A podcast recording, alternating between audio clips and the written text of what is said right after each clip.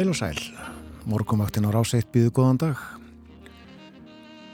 Það er komin 50 dagur 16. februar, klukkunum vantar núna 9 minútur í sjö. Umsjónamenn þáttarins Björn Þó Sigbjörnsson í Reykjavík og Gíja Holmgirsdóttir á Akureyri. Gíja, ég var að byrja á að fá veðulýsingu frá höfustan Norrlands. Já, svo sannlega og góðan daginn. Hérna úr höfustan Norrlands er uh, ansi rólegt. Það var stjórnum bjart þegar ég gekk hingað í vinnum í morgunsárið sem var ósköp fallegt. Það er búið að vera skíjað svo oft uh, undanferðið.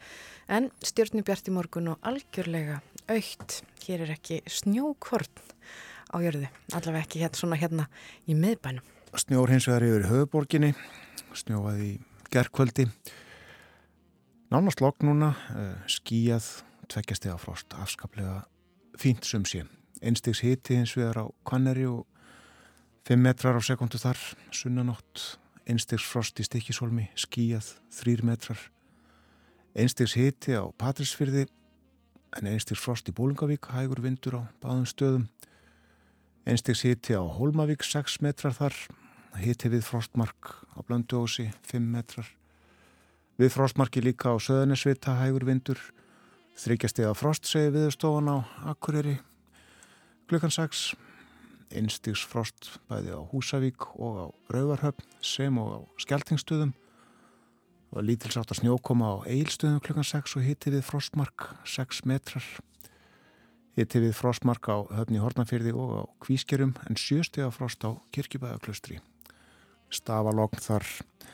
Einstigs hitti á Stórhauða í Vestmannegjum tveggjastega frost í Árnesi og frostið að nýju stegum á hálendinu kaldast við Káranhjúka nýju steg á frost þar sunnan fjórir og spáinn, hvernig er hún?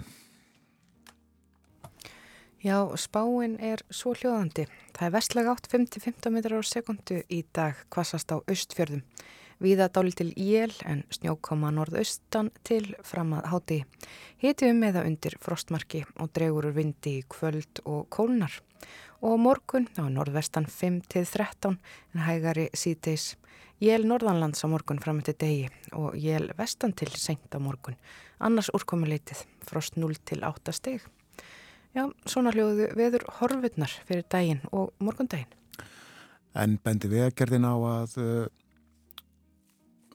vegurinn uh, skeiða og hrunamannavegur er lokaður við stórulags og það vegna vatna vaksta svakalega myndirna sem við sáum í fréttunum í gær úr Svartárdalnum. Ágúst Ólarsson fréttamaður var þar á ferð og uh, hann var uh, lítill í samanbörði við uh, klaka flekana sem að bárust niður með ánni. Já. Og þetta liggur yfir túnum þarna. Já, ég austur hún á síslu Þannig hérna það gerist nú ofta að svona hlaup séu en þetta hefur ekki verið svona mikið í, í, í já, hvað sagðan, 30 ár allavega. Akkurat. En svona um, meira um, um hvernig færðin er, e, það eru hálkublettir á flestum stoppbrötum á höfuborgarsvæðinu. Já. Um að gera að fara valega út í daginn. Á Suðvesturlandi er við að hvort snjóþekja hálka eða hálkublettir, meðal annars hálkublettir á Reykjanesbröð, Hellisheiði og Þrengslum. Það er hálka líka á Grindavíkuvegi og það er vara við að hættu á brótólum í Malbyggi eftir leysingu síðustu daga og vegfærandur eru beðnir um að sína aðgátt. Á Vesturlandi snjóþekja viðast hvarinn þungfært á Bröttubrekku. Það er vara við steinkasti og brótólum í Malbyggi eftir leysingar síðustu daga. Vegfærandur þar eru líka beðnir um að sína aðgátt.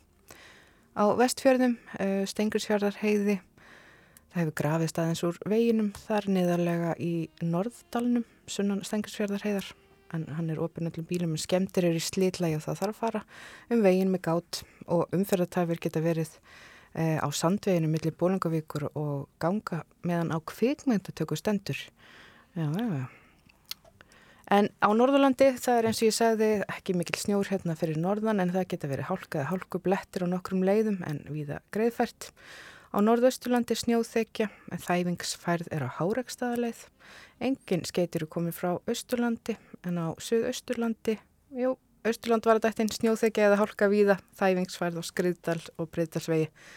Hálka víða á vegum á suðausturlandi, á suðurlandi snjóþekja víðast hvar og það var að við hættu á brótólum eins og svo víða eftir leysingarna síðustu daga og vegfærandur eru bæðinur um að sína aðgátt. Þetta voru svona skeitinn frá vegagerðinni. Og við setjum lag á fónin hlustum á Arður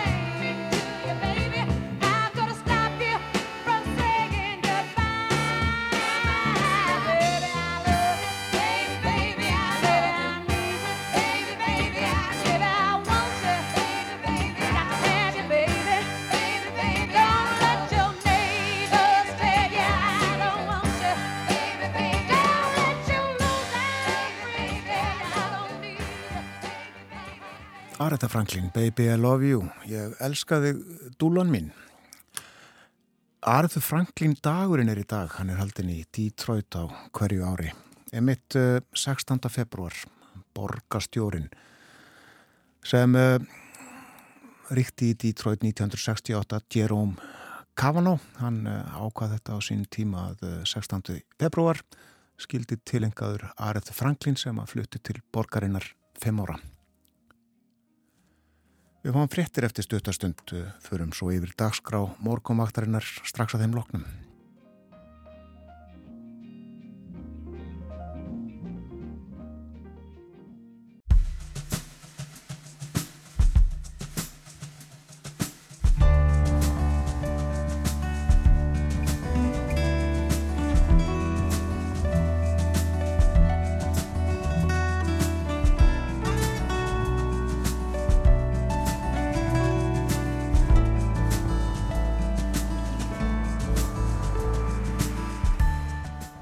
Morgumvaktin helsar og býðu góðan dag.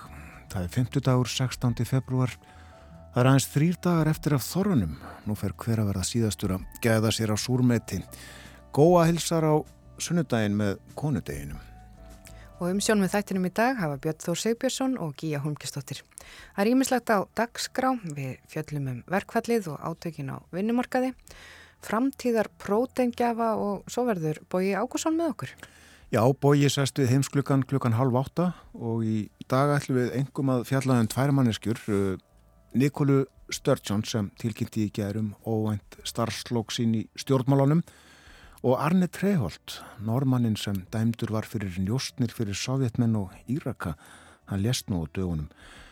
Bói Ágússon hitti Arne Treholt í fangilsinu á sínum tíma og segður okkur frá því á eftir og eftir morgunfrettir þá fyrir við yfir stöðuna í kjaradeilu samtaka atunlífsins og heflingar Gilvi Dalman Aðalsteinsson, vinnumarkarsfræðingur og dósendu í háskólan, hann ræður um verkvalli núna og fyrri verkvall um vinnilögjöfina og ímislegt fleira.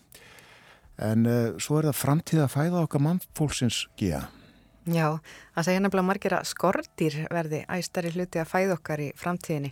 Það hljóma kannski ekki vel en þau eru stútfull af næringaröfnum og tilrunir eru hafnar með að rækta skortir hér á landi og það er gert við Landbúnaðarháskóla Íslands og við ræðum við Ragnæði Ingu Þórarinsdóttur, rektor Landbúnaðarháskólans um skortýrarækt hér á morgunvaktinu upp á klukkan halv nýju. En hér eftir stuttastönd þá ætlum við að fjalla um ástandið á Nýja sjálandi. Þar var neyðar ástandi líst yfir vegna eðileggingarinnar af völdum hitabeltir stormsins Gabrielu sem að gekk yfir landið í byrjun þessarar viku. Við ætlum að slá á þráðan til Ránar Flýjering, teiknara og rítvöndar sem að dvelur um þessa myndir í borginni Ákland á samt fjölskyldu sinni og við heyrum betur hvernig staðan er í nýja sjálfandi.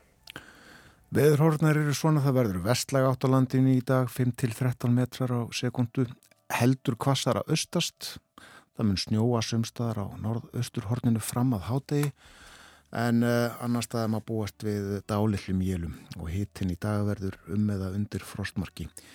Já, mun uh, mögulega snjó eitthvað á norðaustur horninu en uh, það eru auðar göttur á akkurýri þannig morgunin gíða. Já, svo sannlega. Það er allur snjór farin eftir þessi hlýjandi sem hafa verið en enga síður þá varar veðgerðin við já, að gætu verið hálku blettir í húnavarsíslum allavega og hálku blettir á nokkrum leiðum á Öksnadalds heiði en hans er greinfært á öðrum leiðum og, og, og það verist vera greiðfært bara um allt land í dag. Snjólist á Akureyri en uh, snjóri yfir Reykjavík og mér fannst ég í stegi snjóin að hann uh, væri nokkuð góður, heppilegur uh, fyrir snjókast. það er gott að heyra. Svolítið blöytur. Já. Við lítum á forsíðu dagbladana, byrjum á morgumbladinu, forsíðu myndintekkin í húsakinnum ríkisáttarsemra við borgatúnið í gær og uh, á henni má sjá aftan á fjölmennafólk, uh, Solveigana Jónsdóttir formaður eblingar er þarna í viðtali og Haldur Benjamin Þorbergsson fylgist gladbeittur með. En uh, í fréttinni er uh, fjallæðin það að uh, samkómalag sem að ríkisáttarsemir og ebling gerðu á sínum tíma um að una niðurstöðu landsréttar í innsetningamáli ennbættisins gegn verkalýsfélaginu. Það er ekki skuldbindandi. Gerði sem sagt samkómlag um að áfriða ekki til hæstaréttar en uh, það er ekki skuldbindandi, segir hérna. Eh, Sankant lögum um meðferð engamála var korugum aðilanum heimilt að afsala sér málskotsrétti sínum áður en ansréttur hvað upp úrskursin í málunum ándag. Ríkisáttasemari gæti því enn reynd að kæra úrskurðin til hæstaréttar. Og uh, það er rætt hér í blæðinu við Kristínu Benditsdóttur dósend í réttafari við að laga til Háskóla Íslands. Og uh, svo er farið uh, yfir stöðuna fundahöldin í gær og þau eru bóðuð á ný til Ríkisáttasemara í dag. Ég held að fundurinn í dag hefur sklökan tíu en eh, verkvall hófst á háti í gær og eh, ekki er lengur fyllt á tankana á bensinstöðunum. Ég vörum dreift í vestlanir, sumar eh, vestlanir allavega, sumum verum, þetta er ekki algilt, sumum vörum. Nú, fórsýðu mynd fréttablasins var tekin í hörpu í gær þar sem að ebling emdi til fundar í hátteginu og þá má sjá þarna uppstilt skildi við sviðið í salnum í hörpu og uh, á þeim segir lámarks laun, hámarks ábyrð, hótelin eru í okkar höndum og uh, sama áleitrun svo á ennsku og pólsku gerir ráð fyrir. Okkar vinnaskapar vermaði uh, þessu varpað upp á tjald fyrir ofan sviðið. En það er hér sagt á fórsýður hrettablasins frá samtali sem að uh, Sigmundur Ernir Rúnarsson réttstjóri blasins á við Guðrúnu Aspelund sótturnaleikni í þettinu mannamál sem síndur verður á ringbröð í kvöld. Og uh, hún segir aðspurðum uh, hvort og þá hvenar næsti heimsfaraldur í þið yfir. Við hefum alveg öruglega vona á einhverju. Og bæti því við að lang líklegastur sé heimsfaraldur influensu. Þetta voru forsýður dagbladadagsins í dag, ég minnst þetta fleira á þeim svo sem en eigum að fara örstutt út í heima áður en við setjum lag á fónin og ringjum svo til Nýja Sjálflands.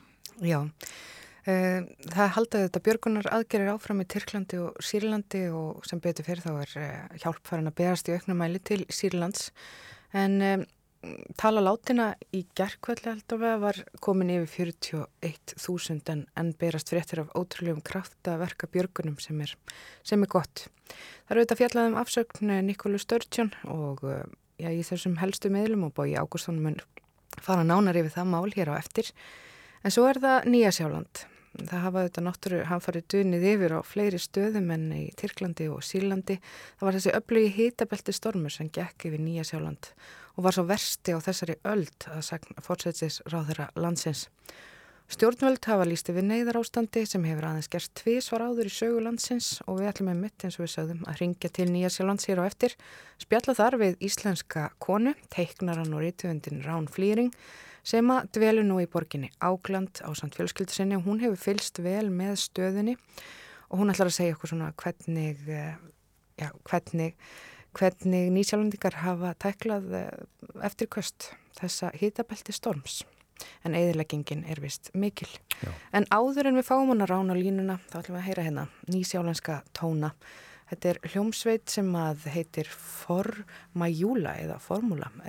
Með eitt af svona vinsætli lögum nýsjálfendinga í gegnum tíðina. Þetta er svona gamalt og gott. Lag frá árinni 1969 heitir Nature.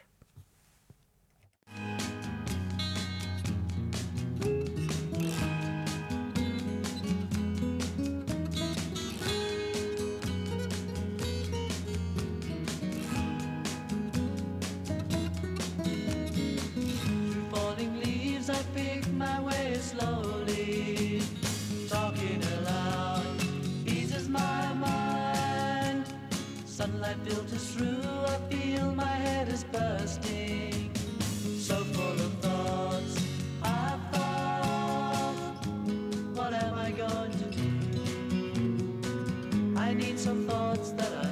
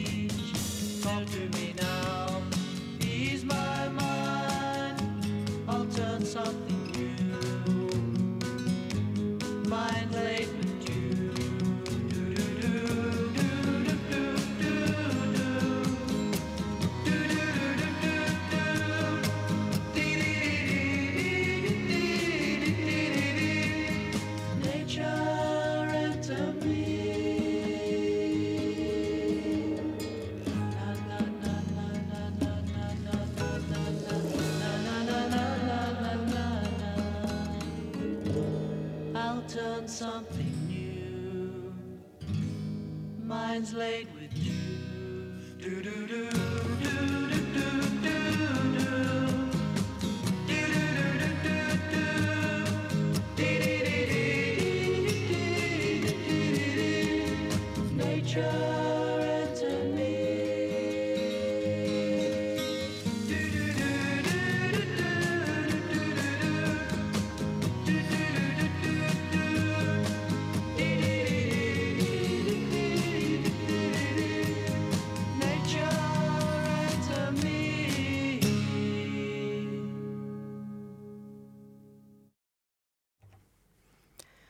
nýsjálenski tónar hér í morgunsárið og morgunvaktinni. En nú ættum við að vera komin í samband við Rán Flýring, teknar á Rituvönd sem er stödd í borginni Ákland í Nýjasjólandi.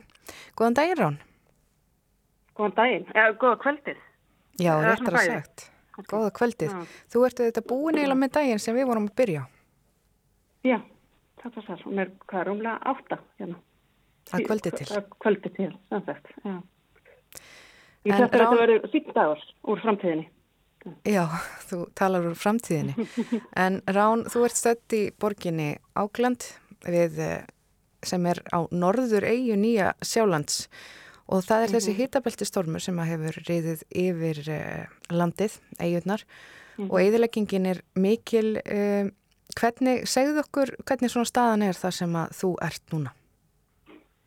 Já, það sem ég er bara, sem ég segi, það er bara fínasta veður og allt sem bara hérna í, í rólegt hér. En það var svona líst yfir neðar ástandi á þriðdægin út af, af fellibillnum Gabrielu og við fundum þetta ekkert mikið fyrir því við erum í mjög skjólsælu hverfi í, í hérna miðbæi Óklandæla en það var bara, bara þessi bílu skildæla eftir alla halva norður eigina í tómi tjóni þannig að það voru svona, það var bæði miklu vindar en síðan voru líka gríðarlega ofankoma. Og það voru nú þegar búið að flæða mikið í januar þannig að jörðin er ekkert en orðin alveg mettið af vatni. Og svo kemur þessi svakalega ofankoma í þess að tvo dag, þetta var mándag og þriði dag og hérna þannig að ár flæði við bakka sína einhverja marga marga metra og hérna og uppskriður og fólk þurft að flýja upp á hústök og, og hérna og já þannig að það mætti að segja bara að það er allt undir bara drullu og já tómið tjóni mm -hmm. Og uh, er það ennþá, sem sagt það eru þetta hafa farið á stað ímsa björgunar aðferðir en, en hvernig svona er staðan? Er búið að opna fjöldahjálpa miðstöðar eða, eða hefur já, fólk eitthvað komist heim til sig? Já, það eru ennþá, það eru sko 100, yfir 100.000 mann sem er ennþá ramagslaus og ég held að það hefur verið um 10.000 mann sem þurft að flýja heimilið sín og ég held að flesta því fólki hefur ekki getað farið aftur heim mikið af þeim hafa líka bara mist allt. Um, það eru viða fjöldahjálpastöðvar og björgunarsveitir eru bara að vinna í því að ná til fólk sem er semlega innleiksa. Um, hann, það var sett fréttum áðan, uh, talaði um að 3000 manns yfir, um 3500 manns sem er ekki hægt að ná í eitthvað því er mm. mögulega sama fólki en einhver síður mjög mikið af fólki sem er í, í hérna viðast í, í samfélögum eða hérna, búið einhver stöðar þar sem maður bæði ekki vegir og brýr eru hérna, sennilega ónýtt, ekki fjár síma samband um, já, engin leið að ná í þau þannig að það er einhverja það sem þeir að vinna í síðan er líka bara eitthvað svona auka ekki seint vatn fólk er, getur ekki lengur borga með kortum þannig að þó það sé til matur það getur sem ekki keft sér þannig að það er verið að dömpa til þeirra mat í fyrlum En ég skilst að það er búið að bjarga öllum sem að hafa náð sambandi við neðalínuna. Um 300 mann sem að þurft að hýfa upp af hústökum. Mm. Um, já. já, og það er svona, dánartalan er eins og stendur 5 eh, fimm mann sem hafa hérna, staðfest að hafa látist í þessu en það er svona búist við því að svo tala muni hækka. Og það er þá sko dánartölur hérna, uh, fólks og svo er það bara mjög mikið að búfénaði og, og hérna, já, ekki mikið að veltum dýrum en, en hérna sem hefur farið í þessum flóðum. En nú eru svona hitabeltis uh, svona fellibilir á þessu sveiðinu ekki óalgengir en þessi var ansi stór. Kom þetta fólki á óvart eða, eða var fólk búið að undibúa sig? Já, sko, þeir eru náttúrulega kannski ekki algengir, hafa ekki verið algengir en eru að aukast þessir yttabelti stormar og þessi er sæður stæstur í, í 200 ár en þannig að fólk sko vegna þessara flóði sem að urðu fyrr í að vera í lók janúar sem að flætti og, og, og þetta kom svona rosalega mikil rykning og alltaf floti og maður finnur það ennþá maður fyrir inn í búðir það var svona mikil fúkalegt því að það er bara ennþá allt blöitt mm. um, þau flóð koma óvart en, en þessi, þessi hérna fellibilur var eitthvað sem að var alveg búist við og, og hérna, myndi valda tjóni og fólk var beðum að vera tilbúið. Við vorum hérna, beðum að fara ekki út, þannig að við vorum hérna inni í tvo daga bara með vel að vatni og mat og vasaljós skeikinni að það er því rafmakslaust. Þannig að það var alveg viðbúið að, að hérna, það eru eitthvað tjón en ég held að hvorki yfirvöld mjög almennt íbúið hafi búist svona mikill eðileggingum. Mm -hmm. og, og hvað hérna, og svona lýsingar fólks hvað, hversu hratt vatnið steig þarna, þú veist, bara fór að klifra upp á hérna húsgögn og, og, og brauti síðan leiðinni gegn þakið, sko. Já, og, og svona stærsti hérna, þetta skall fyrst á norður eiguna og er ekki rétt að nýja sjálfan samanstendur af svona tveimur stærri eigum, eða hvað? Jú, jú. Hvernig er ástandið á hinum einu á landinu? Já, sko, einmitt, þessi stormur, hann svingaði sig svona, fóri yfir norðrægina og, og hérna snitti síðan fram hjá söðræginu, þannig að þau sluppu, þau hafa nú verið að reynda að fá okkur að, hérna, jarðskjálta þarna aðeins, svona, söðurlita norðrægi og, og niður eftir, en, en hérna þau sluppu við stormin. En norðrægjan er svo sem að, hérna, varðast úti og þar búa hvað þrýra hverjum fjórum nýsjálendingum. Mhm. Mm og svona er líka matarkista nýja sjálflands í raun og verið sem er hérna núna bara yfir strulluð.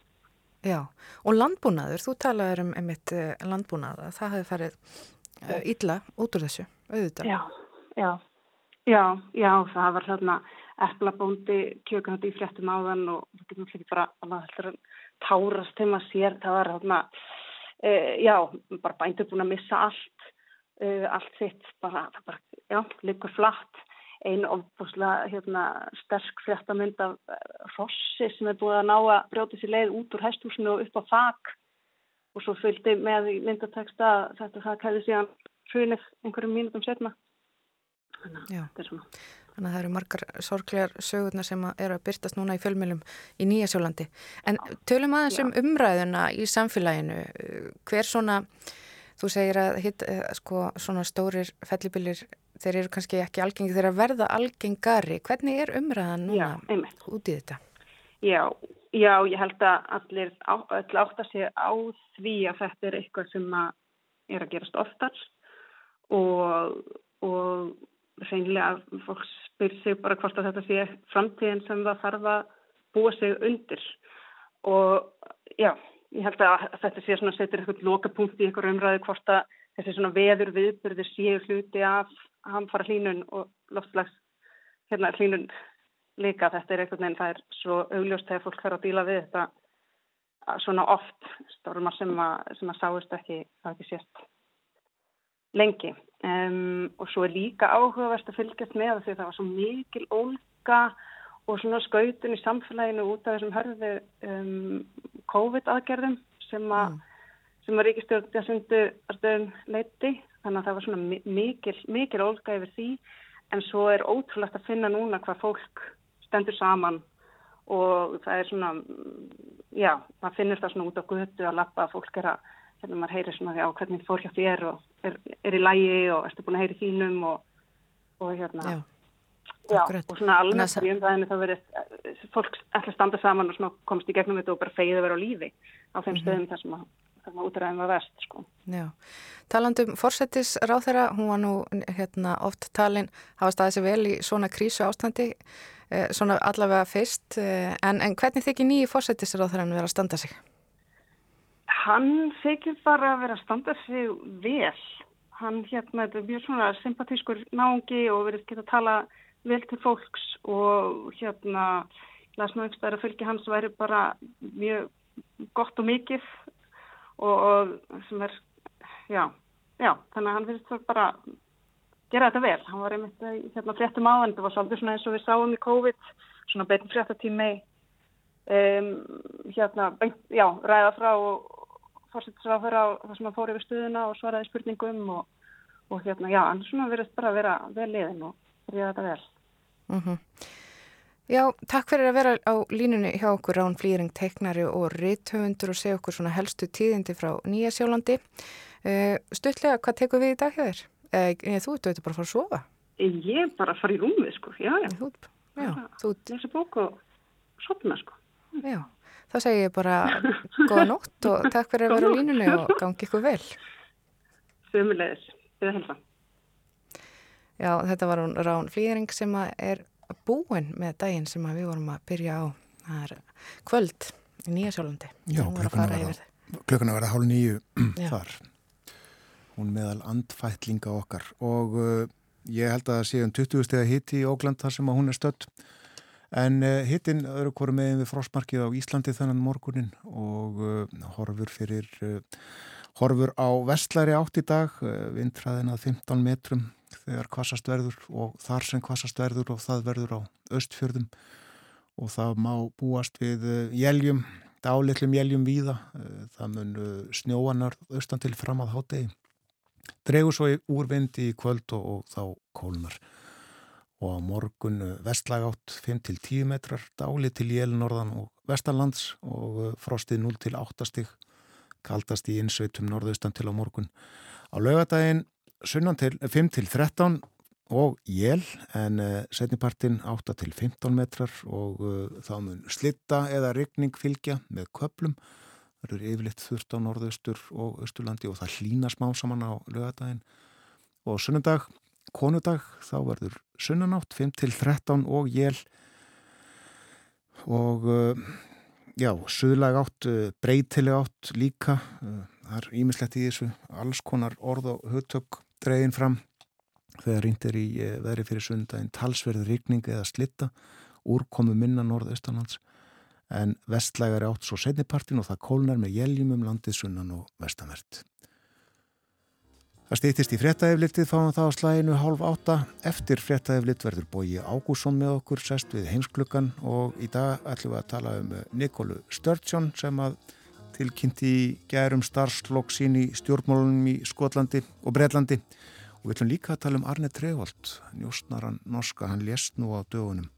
Þetta endur fyrir njóstnir fyrir Sovjetmenn og Íraka á sinn tíma.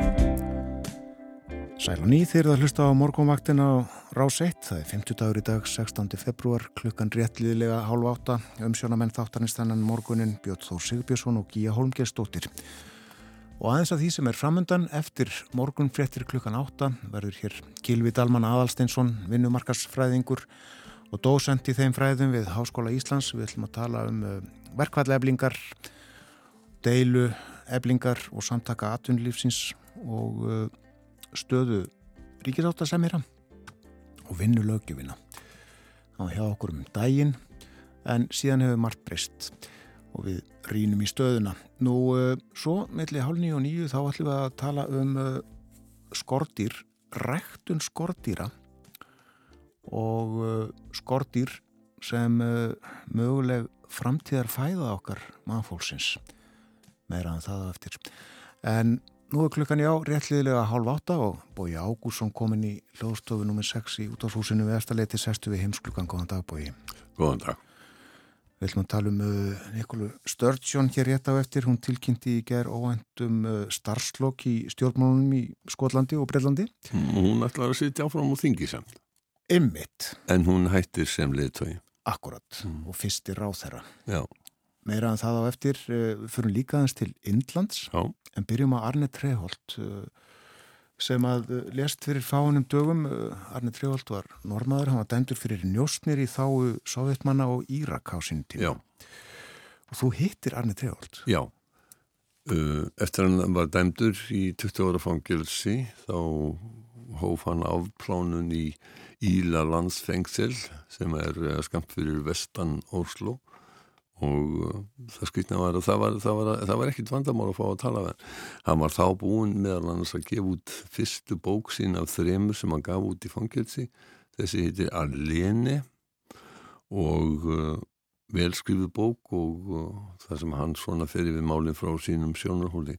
Arne Treholt var áttræðu þegar hann dó núna á sundaginn fættur 42 og hann er handtekinn í ársbyrjun 1984 þegar hann er á leið til útlanda og var þá leiðin til Vínar uh, til fundar við uh, sovjaskan uh, KGB-hersöðingja sem hann hafði verið í, í sambandi við og gefið upplýsingar og, og þegið pening fyrir um, Kari Stúrekri sem var eiginkona hans hún skrifaði sína eigin bók um þetta sem að hétt goða ferð til Parísar því að hann hafði skrökvað hann að hann væri að fara til Parísar Já.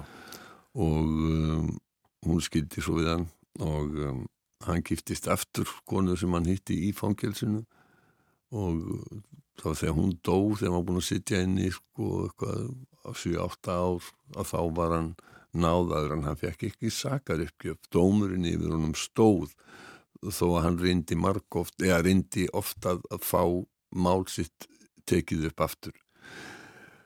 Sko það er ekki það er ekki nokkuð spurning um það að hann afhendi e, sovjetmönnum og írökkum uh, upplýsingar en hversu mikilvægar þessar upplýsingar voru hvort hann var í rauninni að uh, láta vita af einhverjum ríkist leindamáli með einhverju sem að ógnaði öryggi Noregs, það er meiri vafi Já. en hins vegar er það algjörlega ljóst að hann brást trúnaði í, að sérstaklega þess mann sem hafði svona leittan áfram í pólitík, hann var sko ungstjarna innan verkaman, norska verkamannarflokksins og Og vann í utanriksræðundinu þegar. Jú, meðal annars og það var nú þegar ég setti þetta á Facebook í gær að, hérna ég ætlaði aðeins að fjalla um hann og þá, þá hérna fekk ég ábætingar um það. Hann hefði komið til Íslands hér sem hluti af varnamálaskólanum annar helt hann hefði kannski hugsanlega haft eitthvað verið eitthvað involverður í það að viðlagasjóshús komið til Íslands eftir gósið í Vestmannum en hann var sem sagt innan stjórnkerfisins mjög upprinnandi stjarnar í politíkinni og sérlega náinn aðstofa maður Jens Evensens sem var hafréttar á þeirra og þetta er á þeim tímum sem er verið að fjalla mjög mikið um hafréttamál og hafréttar rastefna saminuð þjóðanar sko. hann, hann er innstu koppur í búri og hann hafi verið spáð mjög góðu gengi í pólitík eh, innan norska verkamannarflokksins þannig að eh, þetta kom öllum gríðarlega á óvart að þessi maður skildi hafa verið uh, í þessum tengslum við uh, sovjetmenn. Það má ekki gleima því á hvaða tímum þetta er. Uh, þetta er í miðjukaldastriðinu, þetta er á, á, nýjunda áratug síðust aldar, það voru mjög harðar deilur á milli austus og vestus sérstaklega út af meðaldrægum eðlflögum sem að var mjög barist gegn að það erði komið upp NATO-megin sem voru síðan svar við, við flögum sem að minna að verið kallað SS-20 sem að sovjetmenn hafðu komið upp. Mikil mótmæli mjög víða á vesturlöndum gegn þessu og svona sambúð östus og vestus var mjög erfið á þessum tíma. Það má svona sem segja sko að leðtófundurinn í Reykjavík 1986 hafi verið stór partur í því að stórveldin á þeim tíma fóru aftur að tala saman og síðan leiti það eitt af öðru til þess að, að þau undirrituðu samninga um takmarkun uh, kjarnorskuvopna og uh, þannig að en akkurat þegar Anni Treholt er tekinn að þá er þá er mjög mikil spenna í já, og þetta er, er sko, þú veist maður munna sko, þú veist þetta er e, rétt eftir að, að, að, að sko sovjísku kallbátu strandar við, við, hérna, við strand Svíþjóðar kallað Whisky on the Rocks þetta var gamalt kallbátur og gerð sem NATO kallaði Whisky klass og, og, og þeir kallaði Whisky on the Rocks. Og Og, það svíjarni voru yðurlega að leita kafbótum þegar þóttust heyra hljóð í skerregarunum og þannig að það, það, það er svona, ég segi ekki hysteria í loftinu en það er mjög mikil spenna í loftinu þannig. Já, hann var handekki 1984, ég var uh, 12 ára þá líklega uh, ég, ég, sko þetta var í öllum frettatímum, fleiri, fleiri, fleiri vikur. Já. Það sýtum var... mjög fast í höðun á mér nafnið Anne Trevor. Já, ég, ég skil það og það er hérna og hann sem sagt en, síðan hefur komið í ljós að það var eitt og annað í rannsókmálsins eitt og annað í, í hérna í dómsrannsókninu þar segja já, aðferðin dómstóluna sem að svona hefði mótt betur fara. Já. Eh, en sko það er ekki spurning um það að hann afhendi upplýsingar. En sko voru þetta upplýsingar aðrar heldur bara nánast það sem að menn gáttu að lesa í lögum? Það sem að gera fyrir Íraka var að hann skrifaði svona einhverjar uh, sagt, skýslur um, um hérna um afstöðu normanna einhverjum málum ánaslitin hann þáði fyrir þetta fjö hann, hann, hann sagði engum af þessum tengslum þannig að það leikur ekki nokkur vefa á sekt hans hvað það varðar. Hann hins vegar helt alltaf fram sko eigin sakleik sem hann gerði það þegar við rættum saman þannig í landsfengjusel það verður ekkit sko maður skildi alveg þegar maður hitti hann af hverju honum hefði gengið svona vel í pólitíkinni innan eh, verkamar, norska verkamárflokksins þetta var mjög sérmennandi maður og, og, hérna, og mjög, mjög klár og sko, vissi allt hvað var í gangi í heiminum og, og já já bara mjög mjög, mjög sérmennandi maður. En eitthvað hefur eitthvað hefur vantað í hann að, að, að átta sig ekki á, á því að hann væri að gera hlut sem að já bara menn með ekki gera. Einmitt. Arne Trjál lést 12. februar áttræður í Moskvu, hann bjóð það síðust árin. Já, hann bjóð það síðust árin, hann var látin í ljós þarna eitthvað upp á 90 þetta var að setja 7,5 ár held ég í fangelsi. Ja. og bjóð með hann svo kýpur og flutti síðan til Moskvu. Og hann já, þetta var já, já. Hans saga er, er, er öll. Já Þá er það Nikola Ferguson Sturgeon eins og hún heitir fullnafni. Já, já, við viltum ekki aðeins að ekki aðeins að nefna hérna Índland og að því að þú nefna hérna, sko það sem að vakti aðtegli mín að þar er að eh, sko indversk yfirvöld hafa brúðist mjög harkalega illa við heimildarmynd um narendara móti fórsættisráþara sem að BBC gerði og syndi og svo myndi bönnu, það má ekki sína hana á Índlandi uh, og þau er indverðir er alveg brjálaður yfir það er að segja indverðski yfirvöld og svo brjáluð að þau réð, þau í rauninni sko hérna síguðu skatta yfirvöldum á skrifstofur BBC á Índlandi og eðlimálsins samkvæmt að það sem Índland var nú eins og það sem að þeir kolluðu Jewel in the Crown svona helsta djást breska heimsveldisins, mjög mikil og mjög löng tengslarna milli að þá er BBC, breska ríkisúttarpi með umtalsverða útgerð á, á, á Indlandi og skrifstofur þar og fréttastofur.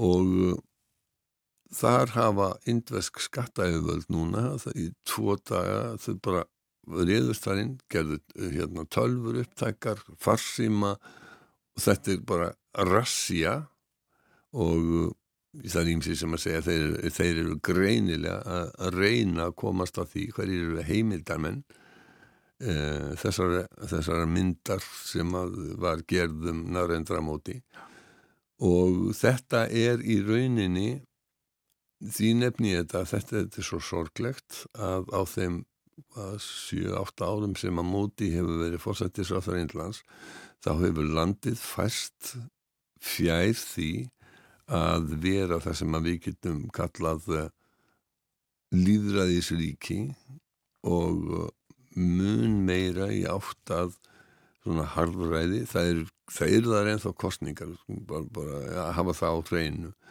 en hann er móti hans flokkur B.J.P. sem er, sem er mjög hægri sinnaður og þjóðirni sinnaður hinduaflokkur og mjög fjandsamlegir muslimum og meðanast það sem að fjallaðurum í þessari myndi er það að móti þegar hann var ríkistjóri um, hann hafi þá sko haldið aftur á lauruklinni hann hafi ekki látið hann að stoppa átök sem á kostuðu sko einhverju þúsundir muslima lífið. Og uh, þannig að uh, já. Og hann þólir ekki þetta sér dreifir frá hann þólir hann þólir eiginlega enga gaggrinni hann sko hann þú veist maður, maður sér maður sér sko hérna Erdogan Tyrklandsfórsetta, maður sér uh, Trump í bandaríkjónum og Bolsonaro þeir eru ekki nærri en slæmir og, og, og hérna og nærendra móti sem að er að ganga mjög hart fram í því að skerða frelsi fjölmiðla og hefur bara beinins hérna, já, gengið mjög hart í því. Índland er núna hrunið niður í 150. sæti af 180 minni mig á lista samtaka frettamanna án landamæra, RSF og það er fullkomin ástæði fyrir því. Þeir hafa offsótt frettamenn og eru ofsækja frétta eh, eins og BBC núna og auðvitað vekur þetta aðtikli að því þetta er vestræn fréttastofa sem að nýtur svona almennrar virðingar í heiminum BBC þetta er ekki einhver indversk sjónastöðu sem við þekkjum ekki neitt. Uh, þess vegna vekur þetta aðtikli á Vesturlundum og uh, en þetta sagt, því vildi ég minnast á þetta að það er ástæða til þess að hafa áhyggjur af þróun sem er í, á, á Indlandi sem er lang fjölmennasta líðræðisríki en þá í, í heiminum og, og verður fjölmennasta ríki heims ef, það er ekki orðið fjölmennasta ríki heims nú, nú þegar. Já, það er það bara um það beila að fara að gera ja, og Indverð er það mikill efnahagslegur uppgangur. Indland skiptir mjög miklu máli í heiminum. Þess vegna hérna er sjálfst að tala um þetta. En þessi mynd hefur verið síndi í Breitlandi eða? Já, já, já, já, já, og það var meðal annars, sko, þú veist, það voru, voru einhverjir námsmenn sem ætlaði að koma saman á Índlandi til þess að, að, að horfa á hana, þá hérna gerði löggan áhlaup á þetta fyrir, fyrir einhverjum vikum, þetta er, þetta er hérna, já, þetta er, þetta er vondt mál á þessu litum til. Nikola Sturgeon. Nikola Sturgeon. Hún já, uh, tilkynnti í gerð óvænt að hún ætlar að uh, hætta sem uh, það sem heitir fyrstir áþöra skóllars. Já. Uh, það, það er ekki þessi fyrsti og annar og þriði, hún er svona eiginlegur fósættis áþöra, fer með þau völd sem að, já, já, að landið hefur. Já, já, þetta er svona til aðgærinninga frá því að vera prime minister mm. við, að því að þetta er náttúrulega, Skot, Skotland er ekki sjálfstættir í kín en hefur mjög mikið sjálfstæði og, og ræður miklu um, um sín eigin mál. Þó ekki nægilega miklu finnst, finnst SNP flokki hennar skotska þjóðafloknum og henni því að þau vilja að fullt sjálfstæði. Þetta kom gríðarlega óvart. Um, og hún í rauninni ber fyrir sig svona svipar uh, ástæður og ég sínda Ardern fórsættisráð þegar nýja sjálfans því þið voru að tala um, nýja sjálfans hérna áðan þegar hún sagði að hún væri bara finnilega búin og það væri ekkit eftir á tanknum. Hún var spurð Nikola Sturgeon í sundarstætti Lóru Kungsberg á BBC eða akkurat þegar að uh, Jacinda Arden sagði af sér hvort að uh, það væri eitthvað svipa hjá henni. Nei, þá sagði Nikola Sturgeon hún ætti nóg eftir á tanknum. Og það eru bara fáina viku síðan. Það eru fáina viku síðan.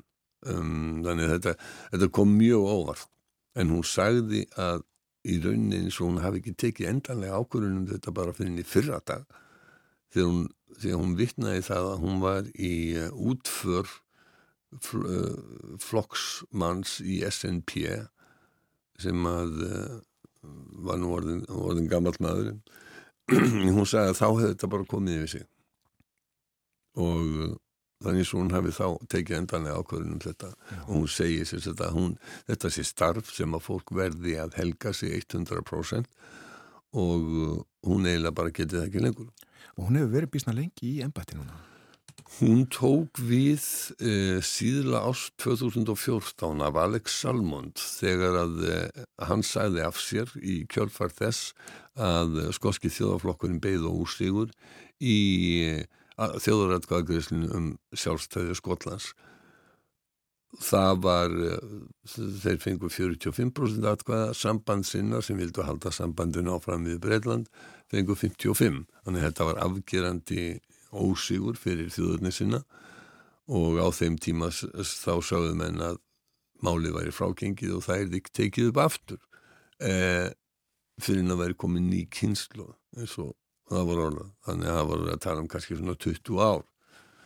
En e, það breytist snarlega þegar breytar gengu úr Evrópussambandinu e, vegna þess að skotar sko tveir, þriðjú skota vilja vera áfram í Evrópussambandinu mun fleiri heldurinn heldurinn hérna sko vildu vera áfram uh, hluti af breska konungsveldinu.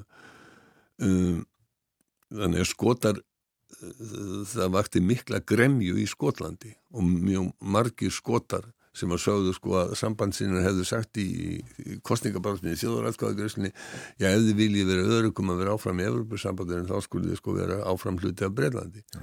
og svo gerist það sko að, að, að þeir fara út tveimur árið setna, eða kjó ákveða það tveimur árið setna og það tekir lengri tíma að frinda því framkvæmt og uh, þetta segja sko að það sé forsendu brestur og eða það er að segja sjálfstæði sinna eða skotar og því vilja þeir taka málið upp aftur. En það gengur hvorkin í reykur vegna þess að breska stjórnarskráin sem er nú reynar ekki skrifuð uh, og samkvæmt henni að þá verður stjórnin í Vestminster, stjórnin í Lundunum að leggja blessun sína yfir nýja þjóðaratkvæðgreyslu og Nikola Sturgeon hún þegar breska stjórnin neytaði hérna einaferðin en þá hafði hún sagt að hún ætlaði að gera næstu þingkostningar að svona de facto þjóðarætkaða greiðslu um sjálfstæði. Það væri máli sem hún ætlaði að byggja skota um að kjósa um þannig að að um, skorski þjóðaflokkurinn og, og þeir flokka sem að vilja uh, sjálfstæðu Skotlands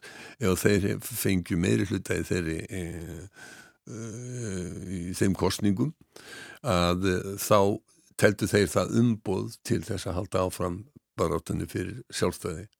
Og en e, það er veruleg spurning núna þegar að hún er hægt hvort að SNP taki upp þetta sem stefnu. Uh, og svo eru margir sem að telja að uh, hugsanlega skipti meira máli að koma íhalsfloknum frá í Lundunum og það má ekki gleyma því að verkamannaflokkurinn var ráðandi stjórnmálaafli Skotlandi áður en að SNP kom til. Og það eru margi sem að getu hugsa sér sko, já, kannski við kjósum bara verkamannaflokkin núna til þess að losna við íhaldið. Og svo hugsaum við sjálfstæðið þegar að hérna, eftir þær kostningar Um, og hættan á, á einhverju slíkum hugsunætti, hún verður náttúrulega meir eftir að Nikola Sturgeon er farin og það er sko, það er, það er mikil sjónasviftur að henni. Hún, hún var með allra ef ekki bara besti stjórnmálamadur uh, breytna að segja. Sama, hversu sammáluð og ósamáluð þú ert henni. Rögförst mælsk og, og sko og svona þett fyrir allstaðar í sínu og ég var að horfa á, á hérna, aðal fréttaskýrinda BBC í gerðkvöld klukkan 10.10.14 þeirra þegar hann var að segja sko að það væri ekki nokkur vafi á því að bæði sambandsinnar að segja þeir sem er anstæði sjálfstæði Skotlands og allir pólitískir anstæðingar Nikólu Stöðsson og SNP þeir önduðu léttar. Einmitt. Það segir sína sög Það segir sína sög Hrein og bein og ekkert vesen á Nikólu Stöðsson Nei Og í hennar tíð sem uh, fyrstir á þeirra Skotlands þá uh, hafa verið held ég uh, fimm í Dánustræði tíu. Já og, og sko, hún er búin að vera fyrstir á þeirra Skotlands lengur heldur en bæði fórsættisráð þeirra og leitu í stjórnarnarstöðunar í Breitlandi að hafa settið á þingi. Já, þannig bara það. Og sjálf verður búin að setja á þingi frá því á síðustu öll. Það hefur verið styrt millir hennar. Samt er hún ekki náma 52. Nei, glemum því ekki. Og það hefur verið styrt millir hennar og Súnaks. Nei, það ekki, jú, jú, sko, fyrstir á þeirra Skotlands og fórsættis á þeirra Breitlands er ekki vinir. Það er bara svona, eðli málsir samkvæmt, meðan að sá í Edinborg er, er, er í SNP og sá í, sá í Lundunum er, er í Hjálpsmaður. Sko, og þeir töluðum lengi um sko að Boris Johnson væri besti sko hérna bandamaður SNP í Skotlandi vegna þess að skotar þyldan ekki. Já. Eh, Súnak hefur farið aðeins og öðruvísa þessu og hann lísti svona, þú veist, að hann óskaði henni allsins besta og, og talaði um sko mikilvægi hennar í, í politík. Hver tekur við það? Í, það er góð spurning. Þegar hún tók við 2014 af Alex Salmond, þá var ekki nokkur spurningu um það hver tæki við vegna þess að hún var augljós aftækjans. Núna um, er það meiri spurning. Það hafa ymsir verið nefndir til og uh, ég var nú að heyra hérna svo John Curtis sem er professor við Strathclyde og helst í stjórnmála skýrandi eh, stjórnmálafræðingu breyta, hann er svona Óli Harvar eh, breyta hann var að, að, hérna, að tala um þetta og benda á að það væri engin augljós eh, eftir maður en og síðan var í spurning ætlaði að fara í kynsluðaskipti eða, eða ekki. Sko þeir sem að hafa verið nefndir eru Angus Robertson sem er eins og breyta að segja Bookies favorite þeir veðmóla bankar þeir telja hann líklegastan. Hann hefur nú marg oft komið til Íslands og við Karl Sigtriksson rættum við hann þegar við gerðum, vorum að fjalla um þjóðarkvæðgjöðsuna þarna úti. Um, hann er sem sagt af svona eld, eldri kynnslóð, uh, sömuleiðis er John Swinney sem er svona vara leiðtói SNP, hann er líka svona af, af eldri kynnslóð En svo eru nefnd af yngri kynnslóðum eru nefndur Keith Brown sem er dónsmálur á þeirra Skotlands og um, Humsa Youssef sem er heilbriðis á þeirra Skotlands og svo ekki síst Kate, Kate Forbes sem er fjármálur á þeirra. Einhverju liti vegna þá fannst breytum það hérna eitthvað tiltökumál og hún væri í fæðingarólu og kemi þessin ekki til greina. Því líkur hugsunarháttur. Hér setjum við punktin í dag. Eða ekki bara. Ég held það. Takk, takk.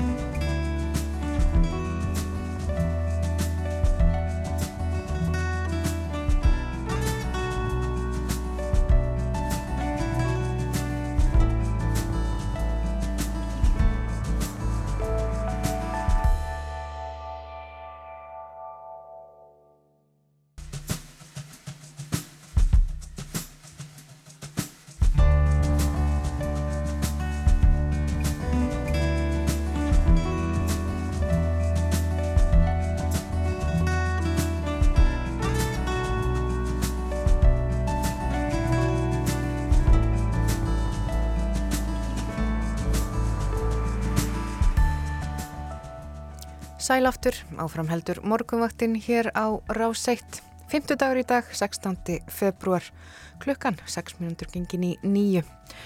Og þá var farið við veðrið áðan, nógum það, það er svona tíðinda líti veður á landinu, en eh, Hann Bói Ágússon var hérna með okkur áðan, fór yfir Erlend málefni og áður en að hann mætti til okkur þá ringdu við líka til Nýjasjölands og heyrðum um stöðuna þar eftir að hitabeltis fellibilur gekk þar yfir með hörmulegum afleðingum.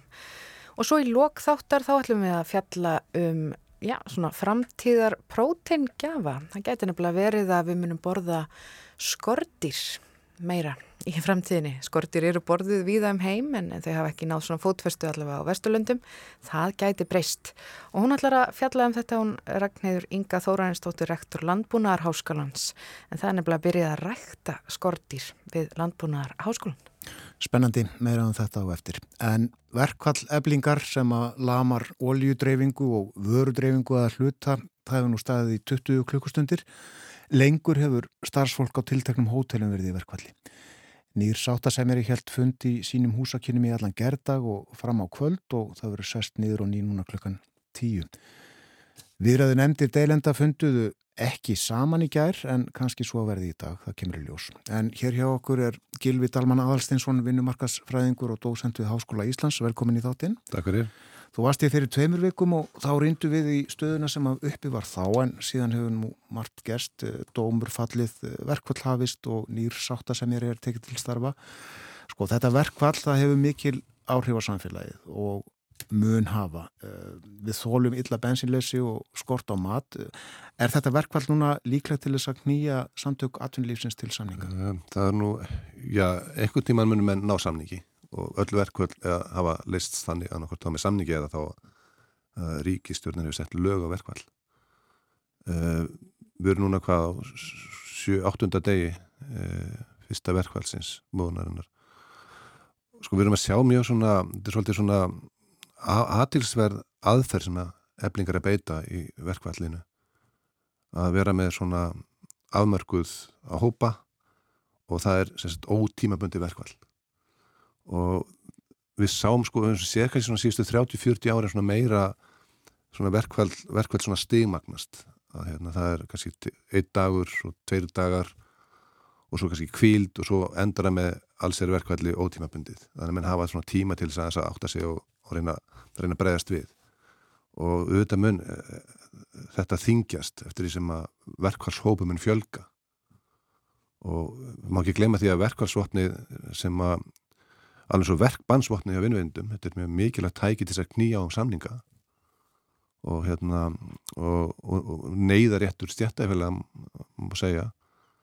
Þannig að það er allt gert til þess að hérna, herða tömarskrúuna og fá vinnvindur til þess að samtíkja en en auðvitað þurfa menn eitthvað stærra að ná lendingu. Menn þurfa að mætast eitthvað miðri leið og hérna semja. En, en hérna þetta mun bara þingjast en má ekki glemja því sko það eru sko þrjár vikur í dag held ég síðan að þessi umdelta milnatila var lögð fram. Og síðan tók við svona ímis baróta fyrir domstólum, það var félagsdómur, það sem að fimm dómendur demdu, það var hérastómur og svo landsréttur. Þannig að það eru nýju dómarar búin að vera að tólka vinnilögjuna með ímissum hætti. Og sitt sínist hverjum. Og hérna ég held að svona, að maður segja það að svolítið dýrmættur tími farið til spillist í þess að þrjár vikur. Og hérna og meðan að vera verið að reka hérna mál fyrir domstólum og svona rétt á róvisa ríkti hvort að mætti aðfenda kjör, kjörskráið ekki að þá var verkvæli gangi. Mann er svona, finnst svona eðlilegt að í þessar óvissu þegar málar fyrir domstólum að verkvallega verið frestað. Og hérna og hér sitjum við í dag það er, það er verið að bóða fleiri verkvall og, og þetta mun svo sannarlega býta og það er líka markmið með verkvallum er að þau býti og knýji menn til samninga. Og samtök atvinnlífsins gera kröfum að verkvallinu verði frestað. Já. Kom fram í frettunum í ráðan að það er eiginlega forsenda viðræðina sem slíkra. Já, það er spurning hvort þessu afarkostir. Nú, sko, samtöku aðvins að vinnuvindur hafa líka verkmannsrétt. Útskýrðu það fyrir bara eins? Já, þegar hann tala um það, Haldur Benjaminu nefnt það, að það var alveg hugsanlega að þið myndi beita honum. Og verkmannsréttinum, verkbanni hefur oft verið beitt af hálfu vinnuvinda, sérstaklega þá í tengslu við sjáurútvei. Minnum í síðast 2017 að setja verkbann á velstjóra. Og þá er, bara, er það bara sett verkbann á okkurna hópa, þá myndi þá hérna, samtöku aðvöldin setja eblingar fólk í verkbann fólk sem ekki er í verkvallis og, hérna, og þá náttúrulega eru komið með algjört neðar ástand og hérna, þá er spurning hvað hva er þetta að gera? Og hérna sko við erum aðeins að skoða svolítið svona samhengi að hérna við erum með vinnulögjöf og við heyrum það núna að það er svolítið krafa vinnuvendamegin að þurfa endur skoða vinnulögjöfuna og svo krafa er búin að heyrast í áratvíi ef við förum aðeins tilbaka í svona smá sakfræði að þá hérna þá er vinnulögjuminn sko frá 1948, hún er 85 ára gömul. Og hvernig var umhors á Íslandi þá? þá er ekki 170 stjættafélög þá er ekki 330 kjærasanningar reykingar voru 37.000 landsmenn 120.000 uh, 1934 var til ríkisvöld sem að var kvöldins stjórn hinn að vinnandi stjætta aldrei flokkur af framsók og þessum tíma var alþjóðflokkurinn og alþjóðsambandi einn skiplasleg heild og á þessum tíma í kreppunni þá var mikil umræðan það að búa til leikreglu sem mótu samskipti á vinnumarkaði. Og þá er mynduð mjög merkileg nefnd til þess að semja sér lög og hún var kallið vinnulögja nefndin og hún leitaði allstar að í kringum okkur, nákvæmlandunum og spurði hvað er einst ykkur best og við höllum að taka það upp í okkur. Og það sem er merkildu þessa lögjöf að þegar menn voru að semjana þá voru menn með ákveð markmið. Fyrsta lagi það er að tryggja frið á vinnumarkaði ekki ófrið, tryggja frið. Og í öðru lagi að vinnulögjum sé sangjörn og taki tillit til haksmuna allra aðeila og og lókum hún hafi á baka sig velviljas almenningsálit. Þetta var henni sko andi lagana þetta var sko lögjar viljin og síðan er búið að breytinni ansi oft og alla breytingar sem hefur reyndar á vinnulögjöfinni hafa mætt mjög mikil anstöðu verkefelsræfingarinnar það var gerð svona meira þetta breyting 1978 þegar hérna, lögum sáttastöru vinnundunum var fæld inn í vinnulögjöfina og svo þessar breytingar sem hefur gerð 96 sem hefur ekki verið að tala um núna. Og það var mikil anstæðin af verkefelsræfingarna þá og, og ASI og verkefelsræfingi tala um griðróf og þegar var að ræða lagabreiningarnar á alþingi 96 um vorið þá var Þing ASI og, hérna, og menn mótmæltu harlega og það verið þannig bara í kringu vinnulöki og nakkar að, hérna, að, að verkefelsenginu er alltaf andmæltinni en, en vinnuvendur vilja stöðut, þessi vandbalt breytingum en vin, vinnuvendur vilja breytingar. Og þá er spurningin sko, árið 1900 í dagurinn í dag 2023 hvort þessi vinnulögju sko, eigi við, passi nú vel við og gegni þannig hluturiksinni svona á að gera. En hafa þá stjórnvöld verið frekar á bandi aðtunurreikenda við þessa breytingar? Mm, já, það er ekki gott að segja, ég ekki, seg, segja það ekki endilega en, en sko viðbyrðu verkefnisreifngarna eins og 96, uh, þar, var, þar sem menn voru að gera 1996 það var að bæta samskiptin, það var að bæta samningteknina menn tóku upp hérna reglur um atkvæði greiðslu kjærasamning og verkvarsbúðana tóku upp viðra áallun uh, það var náttúrulega aðeins verið að skerpa hérna á, á heimildum ríkisáttasemjara og hérna og varandi miðlunum til löguna þannig að þannig að hérna, vinnveindum finnst ekki hefur gengið nóland Nei. En þetta, uh, þessi dómur í, í uh, landsetti núna á dögunum, ekki á mánudagin um að uh, ebling þurfi ekki að aðfenda kjörskrána, kom hann þér óvart? Já, hann gerða nú og hérna, hann er múin að vera stútara vinnulegjöna í mörg mörg ár og allar þessar breytingar og allar umræður og alltingi uh, hvað menn voru að hugsa, menn voru að koma með eitthvað tilhjóra breytingum og komið svolítið óvart sko og hérna það sem kannski kemur með svolítið óvart er það að hérna, það er alveg óumdelt að, að hérna, ríksváttsemir hefur, hefur, hefur þetta vald til þess að leggja fyrir viljum til þau svo allt í nú hérna kemur þessi úrskurður og þá veitum við ekkert hvernig það er að framkvæma kostningar, þetta minnum svolítið að það þegar fórsetin hérna sinjaði fjölmjölulegunum undirritunar sín tíma og, og nýtti málskostréttin þá vissi engi hvernig átt að framkvæma kostningarnar og þó að þessi réttur alltaf verið til staðar. Þannig að það var sett ykkur nefnd sem áttur að finna út af því sko, hvernig átt að kjósa um mm. þetta. Ja. og hérna, þannig að maður bara spyrja sér hvort að við séum bara með, mjög við með bara ófullkomna lögjöf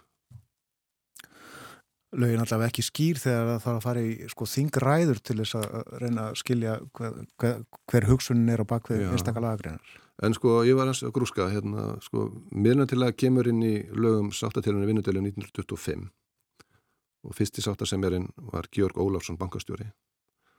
Og þegar hann er nýtt tekið við þá er hérna hörð deila á milli hérna eh, útvegsmanna og, og sjómanna. Kaupgjaldsteilan og hann hérna laði fram miðlunan til þau og við líklega að það verið fyrsta miðlunan til það og eftir sem ég kemst næst og sé að þá bara viðst eins og hann hefur bara hérna falið aðlunum kynnti aðlunum viðlun til þau og fól þeim síðan að greiða atkvæðum hann það var einhverja engin tölupústu þá engin rafrænar kjörskar eins og erum með núna. Þannig að það er spurning sko hvernig hérna atkvæðagreislunum miðlantölu hafa þróast.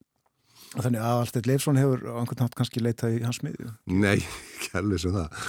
En hérna en svo líka En þetta lítur sér bara út. Já, ég meina, já, já, hann, hann kallaði eftir kjörskrá og hérna og sko, menn hafa verið sko ég manni þegar miðlantölu var lögð fram var hann til deilu ljósmæra, menn hafa verið 2018 þá var ljósmærifélaginu falið að framkvæma kostninguna og hérna þetta er svona ekki gott að hafa þessu óvissu Nei. í svona mikilvæga málum.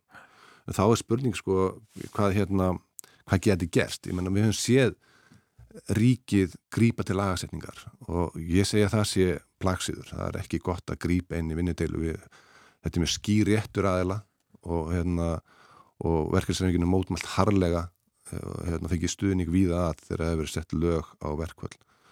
En við höfum ekki alveg sama, sko, þegar menn er að hérna, setja inn í vinnulögjöfuna úrræðis áttasemjara að danskri fyrirmynd að þá gleima menn einhvern veginn að taka öll úrræði að danski fyrirmynd inn í vinnulögjöfuna sem til dæmis var þessi frestunarheimild og það er svolítið erfitt að reyna hérna, innlega einhverja danska fyrirmynd með einhverjum aðferðum en síðan taka ekki allt inn í eins og að nú hefur sagt að sem er okkar ekki frestunheimild. Og það hefur reynd að koma þess að frestunheimild inn í breytingar á lögum og jafnvel var einu stað til að það að láta ráð þeirra hafa frestunheimildina. Ég hef talið að hérna, vegna þess að sáttasemir hefur ekki þess að frestunheimild þá hefur ríki verið svolítið döglegt að grípa til lagasetningar. Ég held að sé frá 1985 kannski svona 17-18 lög sett á vinnudelur og hérna og það er stundir sagt að vika sér langur tími í pólitík en þegar það kemur að verkvöldum þá var einn dagur langur tími í pólitík það var sett lög á verkvöld flugverki á Æslandi en 2010 minnum við 22. mars 20. mars er viðtalið samgangráður og hann segir það er ekki til spilunum setja lög tveimundum setna voru komið lög og þá maður segja að það sé svona fjórar ef maður skoðar svona þessar lagasetningar frá 85 það sé svona fjórar forsendur sem það er að líka til grundvallar svo að ríki grípi til lagasetninga fyrsta lagi var ríki telur sem svo að, hérna, að bara atunlífinu, þjóðar búskapnum stafar hætta af verkvallum eins og bara verkvall á sjómen ef að loðunuvertiðin er, hérna, er í húfi. Um, ef að hagsmunir hillar atunugreinar í húfi eins og ferðarþjónustan, það hefur sett lög á flugvirkja og, og flugmenn. Og svo ef að ríki getur ekki sýnt lögmæltu hluturki sínu eins og að menta fólk, lög á verkvært kennara. Og svo fjórðalagi sem er kannski svona mikilvægast ástæðan sko, það er ef að almanna heil stafar hætta af verkvæli og það er spurning sko þegar að framlega stundir og að kemur meiri þungi á verkvæli sko, hérna, verkvæls fyrir að býta hvort að almanna heil stafi hætta af verkvælinu. Já, það getur nú gæst það má tólkaða þannig að fólk uh, kemst ekki að milli staða Já, það er ímislegt sem að hérna, menn hefur nú verið að tala um það að við munum sjá kannski ferðamenn hérna á vergangi um helgina og þannig líka talandu um það hvernig ástandi var 1938 þegar vinnuleikin var til að við erum alltaf í þessi aturlíf sko. þá þeim tíma var sko var, voru aðal aturnugreinarnar sjáarötuður og landbúnaður og þjónustar lítil, ég menna alltaf til ofnbyrri starfsmenn. Og þannig að þetta er allt annað erum með í dag. Og hérna og það er nú, verðum að eins og er það svolítið sérstakt að hérna, við skulum ekki vera búin að uppfæra vinnulögjöfuna, það er ekki annað að lesa textan til að sjá hversu, hversu úrelt hún er eins og til dæmis að það segir á einu stað hérna, aðurreikundur með ekki hafa áhrif á stjórnmálskóni verkamanna þetta verður að tala um verkamenn í vinnulögjöfunni við verðum að tala um sko alla vinnumarkaðin og öðrum staðir tala um verka líðstjettina þannig að þó ekki verður nema bara kannski að hérna, taka hana upp, uppfæra hana og færa hana kannski til nútímlar hós hvað var það sko hugtakanótt En uh, telur þú að, að uh, Ástræður Haraldsson hafa einhver tæki og geti gert eitthvað sem að aðalsteinin lefsinin tóst ekki? Það er oft gott bara að skipta um fólk í deilum og hérna það má ég kannski nefna það til dæmis árið 2004 í hérna hörðu verkvalli grunnskólakennara þá að gera skýst eftir verkvalli og þá erum við talað um það að það hefði kannski verið farsælast að skipta út viðsefjandum og fólki. Það, ger, það gengur oft og sérstaklega eins og sávarandi hérna, aðstein gaggrinni sem hann fekk hálfu, frá hálfu eblingar og ebling var ekkert að fara að mæta til að ræða við hann og leið og kemur nýjur sáttasemjari ástráður með mikla reynslu og hefur aðstof sáttasemjari og þekkir þetta alveg út og einn að, hérna, að þá strax eru menn tilbúin til að ræðast við kannski, en það sem ég er svona aðalega að horfa til sko að tímin er svo líður svo hratt og tímin er svo dýrmætur og, og hérna, það er þessi þrjáru vikur sem að við erum búin að horfa upp á frá því að miljón til hann var hérna, hérna lögð fram og til dagsins í gæð þegar menn fari hittast og það er ekki ennþá, að því sem að sáttasemri segir, það er ekki ennþá hafnar eiginlegar kjærasamninga við það. Er bara einhvern veginn að þreyfast, nálgast. Við sjáum hvað settur í dag en uh, sko heldur þú að uh, stjórnvöld grípi inn í ef að þetta verkall stendur bara í fána daga? Um, já, miða við svona, miða við söguna miða við þessi lög á verkvöld sem ég hef skoðað frá 1985 til dagsins dag þá finnst mér ekki ólíklegt það verður að segjast eins og er Já. Og uh, uh, í slíkum lögum fælst yfirleitt hvernig uh, kjærasamlingar líta út. Sko ég hef verið mjög mikið talsmaður þess í hörðum deilum þegar það er langt á mill aðeila reynilega bara hérna fara fara gerðdómsleðina og hérna og þegar lög hefur verið sett á vinnudilur þá er yfirlt verið kannski aðlum gefin smá tími til þess að ná samningi. Ef ekki næst samningur þá skipa gerðardómur og yfirlt eru lögunum skrifar ykkur fórstundur sem að gerðardómi þarf að fara eftir. Og algengast er fórstundur sem að sér er það að gerðardómi ber að fara eftir um, sambarnum kjærasamningum uh, svipar og hópa síðustu þryggja fjóra ára. Og, hérna, og þá myndur maður spyrja sig já er það þá ekki SGS samningurinn myndur maður antala að hugsa. En hérna það er sko, skiptir miklu máli að hérna sko þegar, ríkið sko það er svolítið mikil vantrú á gerðardóm sérstaklega verkalýs hérna það var settu gerðardómur á launadeilu hjúknarfræðinga og hérna og það, þá, þá, þá samtíkja aðilar að, að leggja máli í gerð og una niðurstöðinni svo kemur ykkur niðurst á og, og hjúknarfræðinga voru mjög óanaðir með launa niðurstöðu gerðardóms í sínumáli og hérna og þetta er svona hálfgerður svona Salamón sem er að reyna að fara bíl beggi og taka tillit til hagsmunna beggi aðela, svona svipa kannski og milna til að ná að gera. Já, já. Og aldrei neitt nánaður. Nei. Nei. Þakkaði fyrir komuna í dag. Takk fyrir. Kilvi Dalman Alsteinsson. Uh, Vinumarkarsfræðingur við uh, fórum með stöðuna í þessari deilu samtaka atvinnlýfsins og eblingar uh, sáttafundur hefst hjá ríkissátta sem er að, já, sáttafundur kannski ekki rétt að kalla það en, en fulltrúar deilenda eiga að mæta í húsakynni sátta sem er að klukkan tíu eftir einn og hálfum tíma eitthvað svo leiðis. Ástræður Harald, Haraldsson var aðeins í fréttonum í gær. Hann saði nú ekki mikið.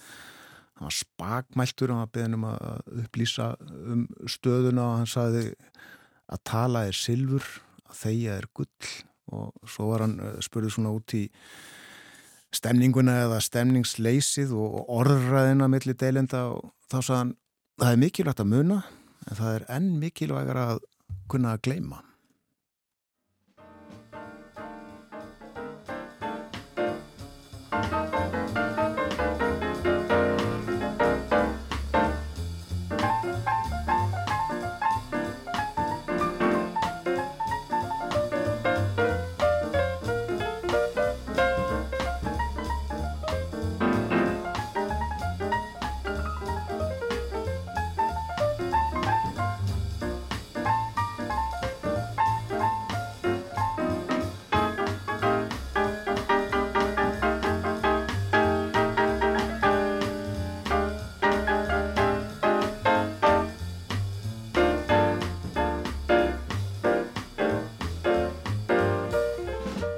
Það líður að frettæfleiti hjá okkur kemur eftir tæpar 5 minútur eftir það ætlum við að uh, fjalla um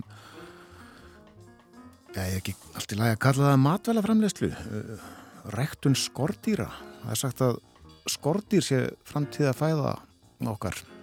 Meira en það eftir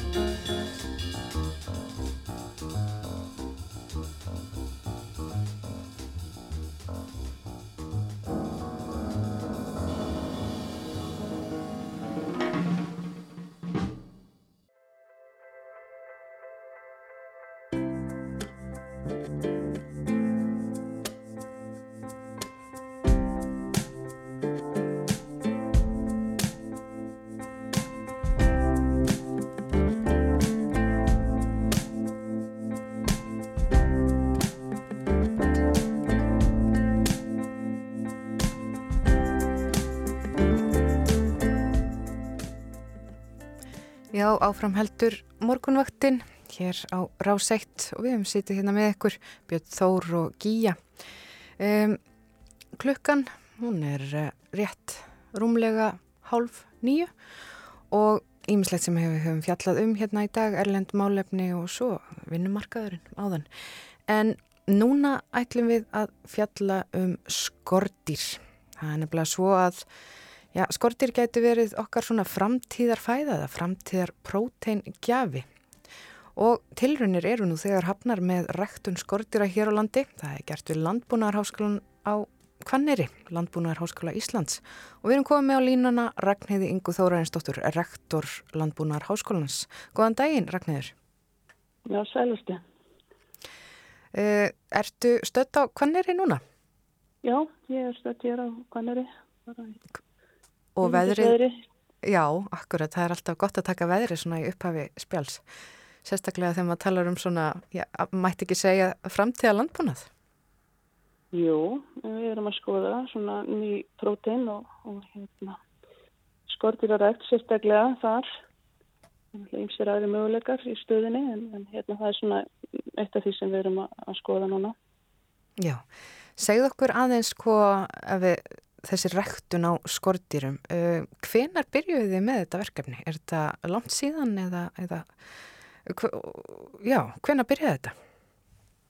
Það er nú ekki langt síðan. Þetta, þetta byrjaði raun að veru sem uh, svona sömarstarf, sömari 2021 sem við fengum uh, styrk frá vinnumálustofnum og, og réðum til okkar nýjótskrifaðan dýralegni. Rúna Þrastadóttir heiti hún og ný komið heim frá Noregi og verkefni gekk svo vel hjá henni þetta sumar að hún hafði áhuga að taka þetta lengra og, og hérna jafnvel sem doktorsverkefni. Þannig að við fórum svona að leita leiða til þess að fjármagna það. Og höfum fengið styrki frá orkur ansóknarsjóðu landsverkjunar og uppbyggingisjóðu Vesturlands. Og svo Já. núna nýlega fengum við eh, líka einn stærri styrk úr samstafsjóðu háskólana sem að gera okkur kleift að hérna að setja svona verkefnið á, á, á hérna segja, næsta þref má segja að svona e, bæta tækjabúnaðinn og, og fá þá verkfræðinga frá Háskólu Íslands í lið með okkur og, og, og gera þetta svona hérna, já, meira alvöru. Til þess að það verður svona verið á, á svona í litlum skala með innföldum búnaði. Og náttúrulega ekki haft e, fjárlega til þess að, að gera þetta sem sagt svona með sjálfvirknið eða svo les En uh, samt sem aður þá hefur við verið með uh, tvær tegundir af skorturum. Annars vegar uh, mjölorma og hins vegar lirður hérna, hermanaflugunar og höfum verið að kanna hvernig okkur gangi að, að rækta þetta og láta fjölga sér og, og prófa svona með mismunandi fóður. Já. Og þetta er bara gengið þokkalega vel, sérstaklega með mjölormana. Já, og, og, og hver, hver er svona mælikvarðin á velgengni? Að, að koma upp mörgum flugum og stækka stopnin eða hvernig mælið já, þetta? Já, og láta bara náttúrulega í fyrsta lagi að, hérna, ná að fjölga þeim og, og svo er náttúrulega að láta að vaksa þannig að þú fáir einhverja, einhverja uppskjöru og uh, þar hefur okkur gengið síður með fluguna og hérna og með þetta að ræða við sérfræðingur um að koma okkur svolítið í alþjóðlegt samstarf. Við höfum verið að sækja um í Evrópusambandi líka. Þetta er ekki náða að fanga styrk þar ennþá en, en reynum bara áfram. En við höfum komin svolítið með, með að blöga samstagsæðalátt í Evrópu meðal annars fyrirtækir sem eru komin í framleyslu og uh, vorum um þetta að ræða veit slíka sérfræðing núni í vikunni sem að var eiginlega svona að reyna að láta okkur skipt um skoðan. Við vorum svona komin á það að við ættum að hérna, fókusera núna á mjölurmanna og, og hafa svona hérna, svörtu hörmannafluguna til yfir en, en, en hann var að reyna að samfara okkur um það að, að það, þegar maður væri búin að komast upp á lag með fluguna og fjölgununa þar þá myndi lirurnar þar vaksa fjórfald hraðar. En það verður eftir meira slægast þar sérstaklega sem fóður Akkurat. Þetta er sko, já, þetta er sko, þetta er skilgjönd sem nýfæða í, mm. í hérna Európa sem þýðir að það er mjög strángar kröfur til að fá að framlega fyrir sem matvæli, sem matvæli. Þannig að Európa-sambandi er bara búið að gefa, gefa græntlós á fjórar, fjórar tegundir. Já, til manneldis. Já, til manneldis. Já. Af sko 2000 tegundum sem að 25% af, af mannkynni borðar í dag. Þannig að sérst, Európusambandi er búið að sambyggja 0,2% af þessum 2000 tegundum sem að, sem að mannfólk borðar í dag. Já, akkurat. Eh, eins og þú segir, skortirinu borðu við um heiminn en þetta hefur nú kannski ekki náð svona fótferstu á vesturlöndum en þetta mun án að hefa breytast í framtíðinni. Já, menn telja það. Við erum búin að hérna, taka svolítið saman góða yfirlitskrein sem var byrst hérna einmitt í lokast 2001 og það fóru svolítið vel yfir stöðuna og, og það er náttúrulega stór hluti fólks í miðið og Suður-Ameriku, Afriku, Asju, Ástralju sem borðaskortir. E, 2019 var uh, hérna áætla 9 miljónir Evrópubúa borðaskortir og svo tala myndi aukast mjög mikið næstu árin. Og sama ár þá voru framleitt til manneldis í Evrópu 500 tonn og menn áalluðu að svo tala er komin upp í nokkur hundu þúsund tonn bara sko innan ykkur að fara ára. Mm -hmm. Akkurat. Um, og mér finnst ég nú að hafa séð eitthvað fréttum það bara nýlega að það sé hægt að kaupa sér gómsætt skortir hérna á Íslandi. Uh, það var lirfur með kanelbræði og, og próteinstykki með engisbrettum. Já, ég er að rækka um þetta líka. Náttúrulega melabúðin er með, með allt sem þarf þetta ekki að manni vantar eitthvað þegar maður er í melabúðina. Þannig að ég sá að frétt að þeir væri fætnir að selja svona ymbislegt snakk með, með hérna, þessum skortýrum sem, sem búið er að samþykja sem að hérna er mjög, mjög spennandi. Ég, ég hef fólk farið nú eins og nýjöngagjörn hérna á Íslandi. Við hljóttum alltaf að hérna, skottast í melabúðina að tróða alla tegundir. Já, ætli það ekki. Svona fyrir áhuga sama, gæða sér á uh, lirfum og engisbrettum. En mm. aðeins svona um verkefni hjá ykkur, hvað ætliði svo, hvert viljiði ná þessu verkefni að búa til þá uh, vantanlega fóður úr þessu eða hvert viljiði komast með þetta? Og það er náttúrulega sko fyrsta vers. Það er að geta framleitt fóður sem við getum þá líka prófað hér heima. En síðan höfum við aðeins verið líka í samstarfi fyrirtæki eins og gæðabakstur sem hefur áhuga á að, jafnvel í framtíðin að, framlega brótinbröð eða, eða jafnvel koma sagt, afgangs, afgangsbröðum og degi í, í ló mm. sem getur þá verið fóður. Þannig að það er sem sagt þeir eru áhuga samir um hvort endan sem er bæði að koma ágangsmatvæli eins sem fóður eða þá að, að taka þátt í, í öru þróun. Þannig það er svona ymsið möguleikar í stöðinu. Þannig að draumurum væri náttúrulega að, að koma upp svolítið hérna bara stóri framlegslu í þessu. Já, og stór framlegsla á skortirum, þarf þetta mikið pláss eða e, þetta þarf vantilega að vera eitthvað starf inni, er þetta mikill tækjabúnaðar sem þarf að e, stórt hús fyrir eða? Já, þetta er náttúrulega svona hillukerfi, kannski með svona skufur, kannski ja, eftir það með náttúrulega hátt hús en þetta geta verið ansið marga skúfur svo er náttúrulega til þess að gera þetta hagkvæmt þá þarf þetta náttúrulega byggjast á sjálf, sjálfvirkni mm. sérstaklega hér á Íslandi það sem við nú kannski frekar með, með hálaun og langt framarkaði þannig að ja. það, er, það er náttúrulega grundvöldurinn að þessu að, að þú getur sjálfvirkni vært framlýstunum Já, já. Þannig að við getum séð fyrir okkur að, að hér á Íslandi verði til skortýra bændur í framtíðinni Já, ég held að það sé alveg að ég hef með mjöguleiki að segja það fyrir sér. Já, en þú sagði að hann... Fólk er bara að breyta svo mikið, fólk er að breyta svo mikið neysluvennjum og, og, og horfa mm. á kólefnissporið og, og hérna svo er þetta líka holt, ríkta próteni og hérna aminosýrum sem við þurfum að halda. Já, akkurat. Sem snöðulefnum. Þú varst að segja á þann að þið hafið nýlega fengið styrk þarna frá Orkusjóði landsvirkjunar fyrir þessu verkefni og fleiri verkefnum eh, innan landbúnaðar háskólans. Mm -hmm. um, já, svona styrki hljóta vera algjörlega grundvallandi til þess að eh, verkefni á borfið ræktun skortira haldi áfram að þróast. Já, þessi styrku frá landsvirkjun var náttúrulega grundvallur fyrir því að við gáttum haldi áfram með verkefni á sínum tíma og svo hefur orku rannsóknarsögur landsvirkjana verið duglegur að styrkja meistar og doktorsmennundur sérstaklega hjá landbúnaðarskólinum og öðrum háskólum. Þannig að þetta er, þetta er mjög mikilvæg sjóður og, og við fengum núna styrki til fimmverkefna. Þannig að það var þetta skortiraverkefni og svo fengum við hérna, verkefni um Íslands mm, og hvernig það er ykkur snjó og íspröðunum og norðurslöðum. Það eru Íslands Rík? Rík, já. Já, já, já sem að hérna rík dreifir sér um allan heim og svo mm. leggst það ofan á snjó og ís og hérna eigu bráðnum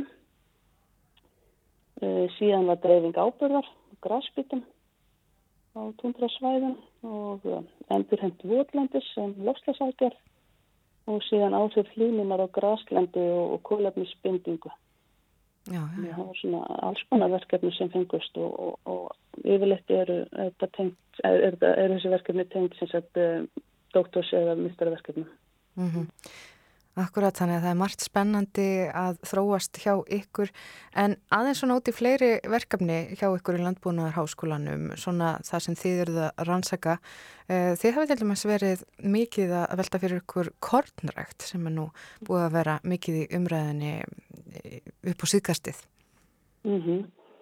Við höfum verið að byggja heilmikið á jarðartasviði á þetta verðum árum og hérna, endur mjög á bæta tækjabúna fyrir mjög, mjög háari pær og stendur til að byggja líka nýja jarðræktarmistu hér á kanneri og svo hefur við verið að leggja lókuhand á skýrslu fyrir matalaráðleiti sem er eh, að meta hagkvæmni þessa stór auka kollvartjörlandi og koma þá upp þurrkun og geimslu eða svona skort samlægi sem tæki þá við korninu og seldi áfram og hefði þá tæki færi til að geima. Þannig að þarna erum við að horfa til þess að við hefum land og, og jarvarma og þekkingu og það myndi styrkja klárlega fæði öryggi og landbúnað og svo hefur verið að meta svona áhættu fætti vegna veðufars og, og, og svo fyrir náttúrulega fjárfæst í rannsóknum og kynbótum þannig að við séum þá með yrki sem að, sem að henda fyrir íslenskar aðstæðar Já. Þannig að þetta er geysilega spennandi verkefni og, og hérna e, mjög hérna líka mikið, mikið láhugi hjá matvælavæðanætinu fyrir Já. þessu verkefni Og þú talar hann um korn, samlög, þetta er svona sambarlegt við mjölkusamlag Þannig að það er hægt að leggja þarna inn kornið sitt. Nákvæmlega, þá hérna, og líka geima það sem það sé þá tækifæri til þess að geima milli ára. Mm. Það eru svona nokkri sem að hafa aðstöð til þess á landinu svona í minnamæli. Þannig að það, hef, það var líka fórst í þessu verkefni kortlækning á því. Já. Hversu stórt það er og hversu víðan landið. Já, og þú talaður um að þetta mun uh, sagt, byrtast í skýrslu sem er vantarleg frá ykkur. Hvenar verður þetta glukka í hana? Heri, við eigum að skilja þið núna fyrir lókmánaðar. Þannig að nefndin er bara áfullu að leggja lóka hönd á, á, á skýrslu. Þannig að vonandi stendist við tímamorkin og þá verður hún komin út núna fljóklega bara í byrjum mars. Já, glæsilegt. Svona aðeins uh, að lókum, Ragnir, uh, hvenna tókstu við sem rektor landbúnaðar háskólan? Það er nú komið nokkur árið þegar ekki? Jú, ótrúlega fljótt að uh, svo skemmtilegt hérna og mikið um að vera, en ég byrjaði hérna 1. janúar 2019 og ég er búin að vera rúm fýgur ár. Já, og finnst þið margt að breyst svona undir þinni stjórn, eru nýjar áherslur sem að þú hefur beittið fyrir? Já, við samþyktum nýja stefnu hérna 2019 og lögum áherslu á að auka rannsóknir og, og hérna fjölga nefnendum og fara í öflugra alþjóðlegt samstarf. Og þetta er bara gengið afskaplega vel, við erum búin að fjölga nefnendum bara já, á öllum sviðum og, og rannsóknarstarfseminn hefur efst mjög mikið. En maður fá svona þrefalt það sem við fengum áður úr, úr hérna samkeppnisjóðum og uh, doktorsnefnendur eru núna í dag átján talsins sem er með meira en hefur verið nokkur tíman Mm. og uh, síðan erum við komin bara í öflugt alþjóðlegt samstarf. Við erum komin meðal annars í svona samstarfsnett átta evróskara háskóla á sviði lífiðsynda og landbúnaður sem við erum með svona formlegan uh, kick-off fund núna í næsta mánu á Ítalíum Já. og uh, markmið er að vinna þá saman að rannsóknum og ég vil vera með sameigilega námsbreytir sem að eflir náttúrulega sérstaklega svona lítinn háskóla eins og okkar. Þannig að þarna erum við með stóra háskóla á Spáni, Ítalíu Bólandi og Portugal og Belgiu, Búlgari og Fraklandi og þetta er sem sagt fjórar af verkefni þar sem að Evrópusambandi er eiginlega útbúið stakkball fyrir háskóla sem eru komnir í svona samstarf og, og Evrópusambandi er búið að taka frá fjármunni aukarlega til þess að styrkja sérstaklega verkefni sem að, sem að þessir aðilar ætla að síðan að framkama saman. Já. Þannig þetta er ekki svona, svona typikal Evrópu verkefni til fjögur ára heldur er hort á þetta sem stökkpalla sem að Evrópsambandi er að leggja áherslu á það að, að, að það sé sko, meira samstarf millir háskóla í Evrópu. Mm -hmm. Kanski svolítið svipa það sem að háskóla ráð þeirra að gera hér með, með samstafssjóðunum að efla samstaf millir háskóla hérlandis. Þá er þetta bara sambarilegt og, og þá bara miklu, miklu starra mæli milli háskóla í Evrópu og náttúrulega stærri, stærri upphæðir sem það eru til útlutanar. Já, eh, við byrjuðum spjallið okkar á að spjalla um hérna skortirinn, skortiraræktunina sem að þið eru með í landbúnaðarháskólanum. Eh, svona fyrir áhuga sama um skortirarækt, eh, er eitthvað hægt að koma að skoða hjá ykkur eða er, er þetta alveg lokað af? Nei, nei, nei, ég er alveg vissum það að Rúna myndi taka móti fólki sem hefur áhuga að skoða hjá henni. Glæsilegt. Um, ég veit að það komu danskir sérfræðingar til ykkur um daginn og voru að hérna, ráleika ykkur um tækjabúnað. Þannig að ég valdi hérna danslag í lokin, Ragnæður. Hvernig líst þér á Kim Larsen í, til þess að loka þessu spjallokkar? Algjört upp og hald. Glæsilegt. Takk fyrir að segja okkur frá þessum verkefnum sérstaklega skortýra rektuninni sem þeir eru með við Landbúnaðar Háskóla Íslands. Bestu þakki Ragnhjóður Inga Þóra einstóttir rektor Landbúnaðar Háskólans og gangi ykkur vel. Kæða þakki sem er laus. Já, og eins og ég sagði, við ætlum að hlusta hérna á Kim Larsens, Die smukke unge mennesker.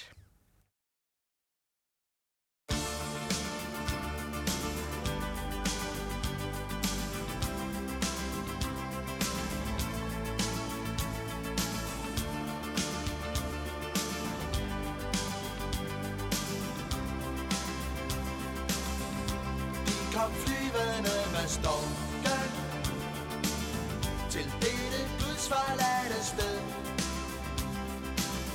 Fra alle fire verdens stjerner. Hvis vi tager det hele med. Og nu er de blevet voksne. Ligner ikke mere sig selv. Stemmerne er forandret Vi kender dem alligevel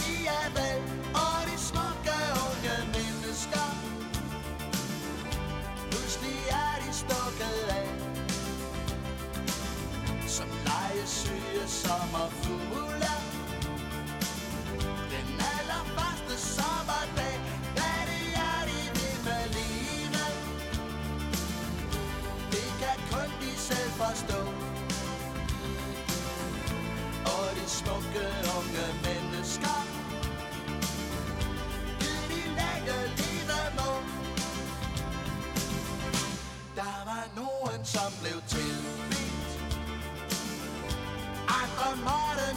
Nøjes med Digitale vuggestuer Og tilfældig kærlighed Og det slutter før man ved det. Pludselig er de stukket af. Som legesyge sommer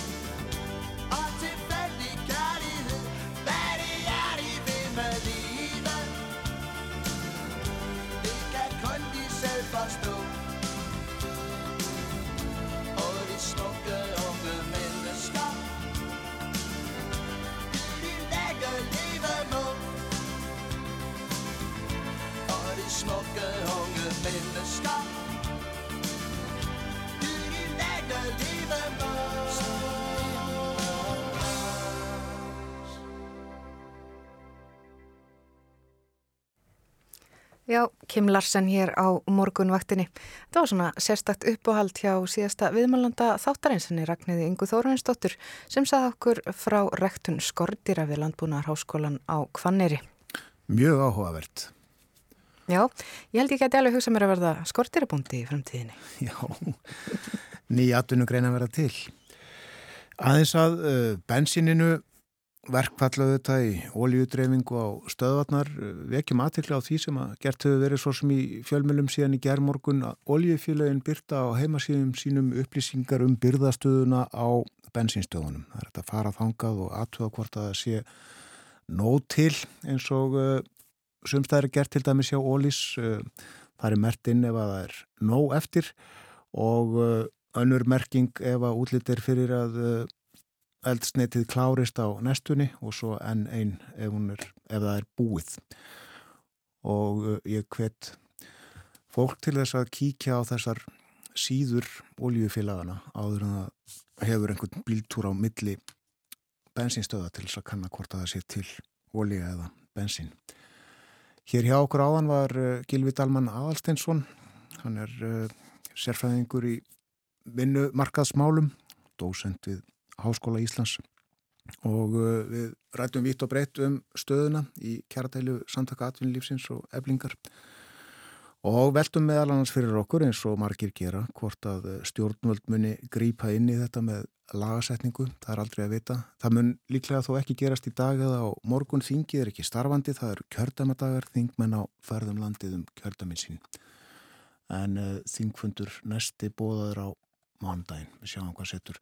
Og rétt aðeins að því nefndi það undir lok spjálsins okkar áðan uh, þessi gullkort sem að uh, Ástráðar Haraldsson sáttasemir í létt fallaði gær. Að tala er silfur, að þeia er gull og það er mikilvægt að muna en það er enn mikilvægara að kunna að gleima. En það er komið á lokum þáttarins, klukkan alveg að verða nýju, vantar uh, sex mínútur, við fáum fréttir klukkan nýju, fyrst auglýsingar en við Björn Þóru Gíja Holmgjastóttir höfum sett ég síðan fyrir klukkan 7 í morgun. Já, og uh, ég og Þóru Nilsbeth munum vakna með ykkur í fyrramálið stundvíslega tímyndur í sjö. Mart til umræðu á morgun til dæmis hinn daglegi ráðlæði dagskamtur og ferðamálinn. Svo ætlum við líka að fjalla eins um, um já, fund þar sem að var fjallað um, inngildingu uh, á sáttmála saminuðu þjóðana um, um, um rétt fallas fólks réttindi fallas fólks. En, en það komið að lókum hér hjá okkur í dag allavega. Já, við þakkum samfélgina þátturinn á sínu staði fyrramálið. Njóti dagsins. Og verðið sæl